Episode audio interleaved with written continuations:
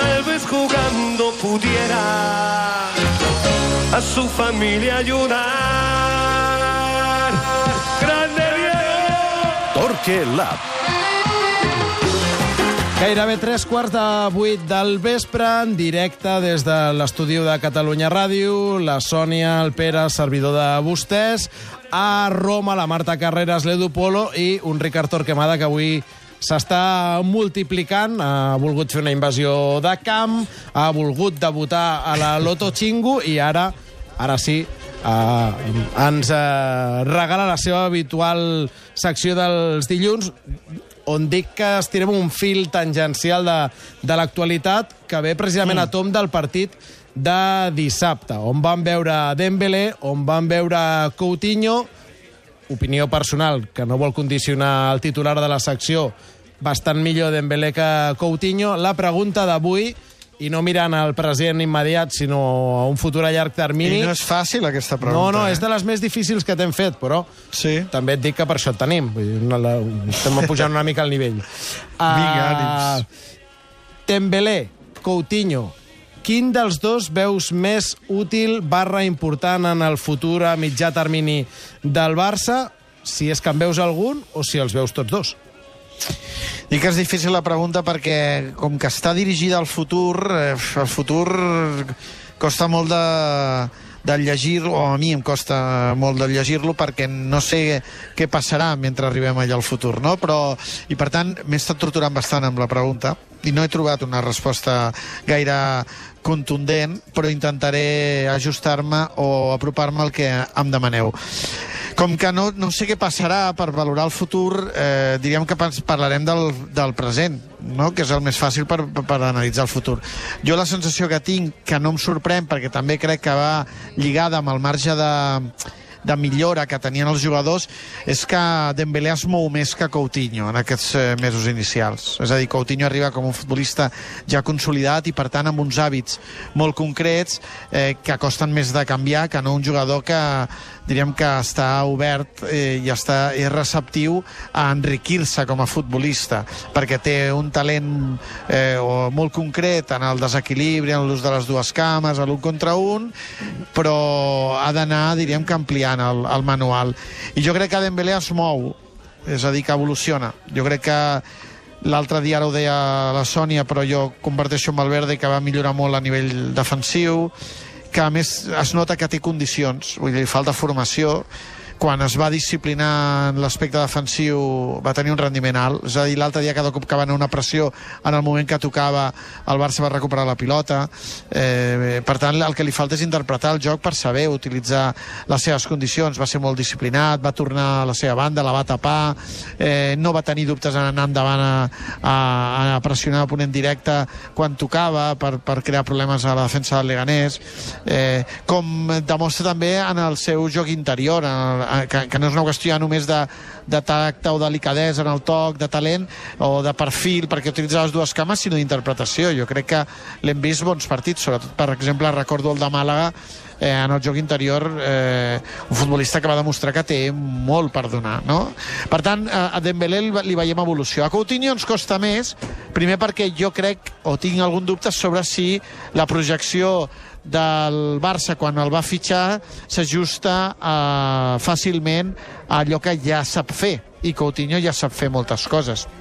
I això jo crec que li crea algun problema més a l'hora de uh, créixer o d'avançar.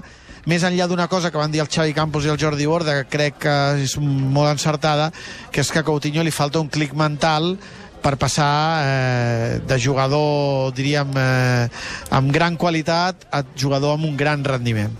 Per tant, a la pregunta, i eh, s'hi ha d'afegir la, la subordinada, tenint en compte que tot fa pensar que l'any que ve en aquesta plantilla hi haurà Griezmann, hi ha algun dels dos que tu et quedaries sí o sí i l'altre que en prescindiries o no ets... No, no, no sóc contundent, perquè saps què passa? Que, que Coutinho va més avançat que Dembélé, aleshores Dembélé es mou, però no sabem fins on pot arribar, aquí és el tema del futur, i Coutinho no es mou, però té una posició de sortida més eh, preponderant, eh, el que no sé si s'ajustarà allò que vulgui el Barça. També costa molt eh, interpretar el futur amb Griezmann, perquè així eh, de cop al bot on poses Griezmann? És que no sé què pretén.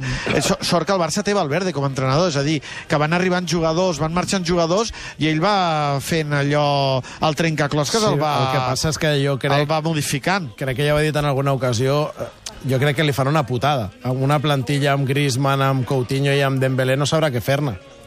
És una plantilla, com Vaja, jo tu, tampoc sabria què fer-ne, eh, sí, sí, per ser és- honest. Sí, sí. Sí, perquè, com dius tu, no està pensada en rols, sinó que està pensada en qualitat. Cromos, vinga, I un per altre tant, cromo. Clar, i per tant, a partir d'aquí l'entrenador ha de ser capaç de posar-ho tot al còctel i que allò tingui una química positiva. I a mi em costa molt d'imaginar el Barça amb Griezmann, amb Dembélé i amb Coutinho.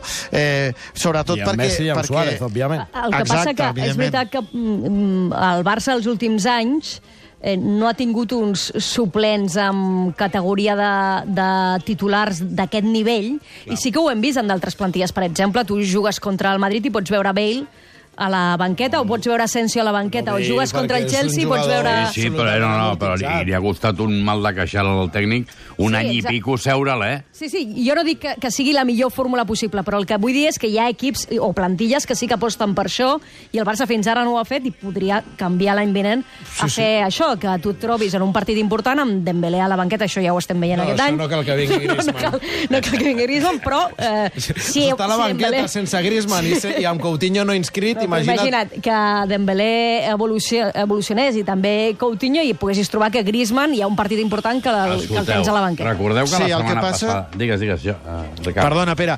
No, eh, ja acabo. Eh, eh, la diferència entre el Barça i el Madrid és que el Barça eh, té una cultura que vol defensar.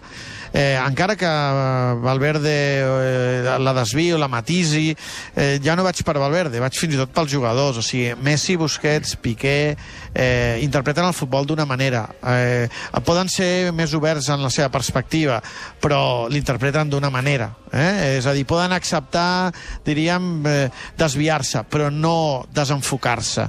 El Madrid no ha de defensar cap eh, cultura, és a dir, simplement ha d'intentar juntar jugadors de qualitat, donar-los ordre eh, i intentar treure rendiment. Jo crec que, que aquí el Barça encara té un afegit més difícil, perquè, clar, el- si tens Coutinho, Griezmann, Dembélé, Luis Suárez i Messi, eh, tens una opció, trencar la idea i que l'equip es torni a trencar molt més del que estava trencat amb Luis Enrique, perquè de migcampistes no n'hem dit cap, de tots aquests no n'hi ha cap, de migcampistes, No. per tant Rakitic i Busquets no sé com s'ho farien per equilibrar tot això, i, i sobren, eh, dels davanters sobren, eh, o, o intentar continuar jugant eh, allò que vo- vol jugar el Barça, i quan dic vol jugar al Barça, dic fins i tot els jugadors, no sé si la, la, la política esportiva del club va en aquesta línia, jo crec que a Valverde li agradaria, però ha d'intentar, diríem que ajuntar el que vol amb el que té, amb el que ha viscut, amb el que vol viure, però els jugadors, els pals de paller, han, eh, han jugat tota la vida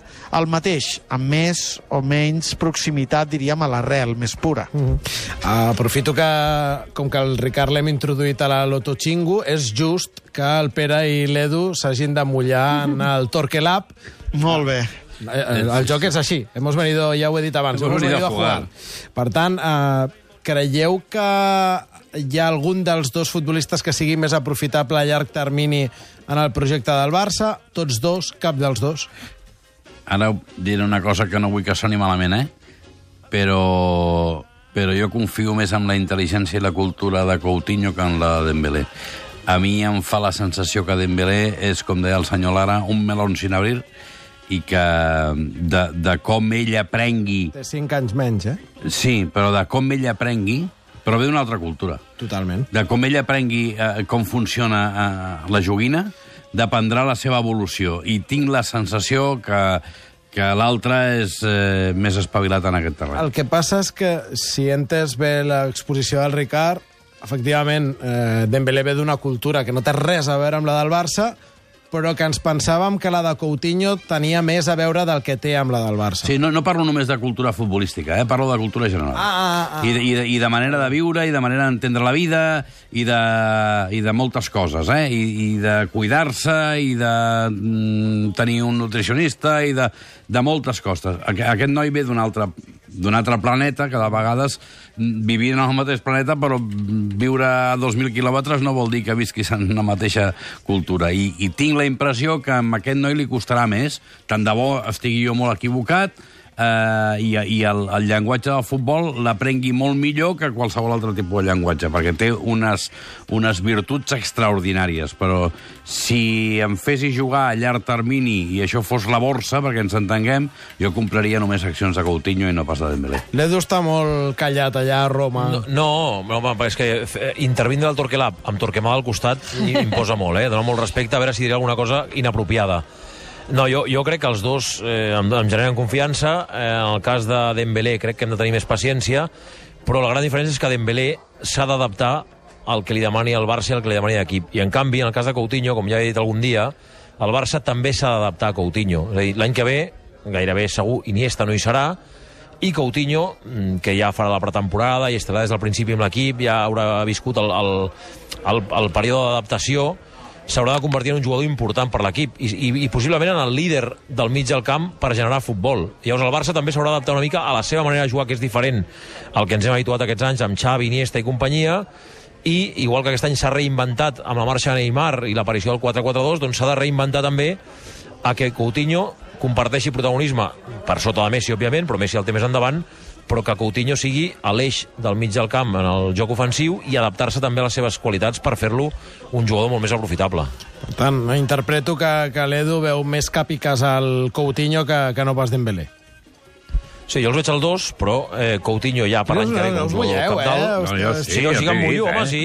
Ja, els dos sí ens hem quedat amb en aquest cas- Coutinho. Sí, la disjuntiva no és fàcil, eh? No, no, no, Sí, gens, pregunta gens. Que era... Sí, Gens, sí. mira, avui m'he llevat eh, així amb ganes de, de No, fer-vos la està bé guitza. que ens exigeixis, clar.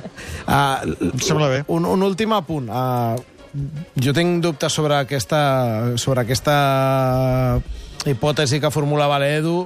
No senti Iniesta que, que el Barça pugui girar al voltant d'una versió de migcampista de Coutinho, però m'ha inquietat una cosa. Tota la reflexió que ha fet eh, el Ricard sobre Dembélé eh, era en clau defensiva, que és la que fa Valverde, però és que és, és un extrem.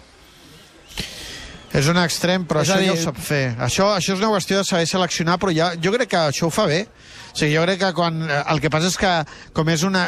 L'extrem, diríem... eh, Jo, jo crec que l'evolució també de l'extrem, l'extrem cada cop fa més coses. Ja no és només un jugador que encara el rival i el desequilibra, sinó que ha de saber quan jugar per dintre, prendre bones decisions, no atacar sempre, fixar i donar. És a dir, a l'extrem cada cop té més obligacions, ja no només eh, defensives. Però jo crec que aquestes Dembélé les fa bé. A mi m'agrada. Doncs haurem de veure que l'evolució de, de tots dos tindrem tot l'estiu un cop eh, passi la final de la Champions per debatre sobre un dels grans que és d'aquest estiu. A Roma, Ricard Torquemada, Edu Polo, gràcies, una abraçada. Igualment, adéu.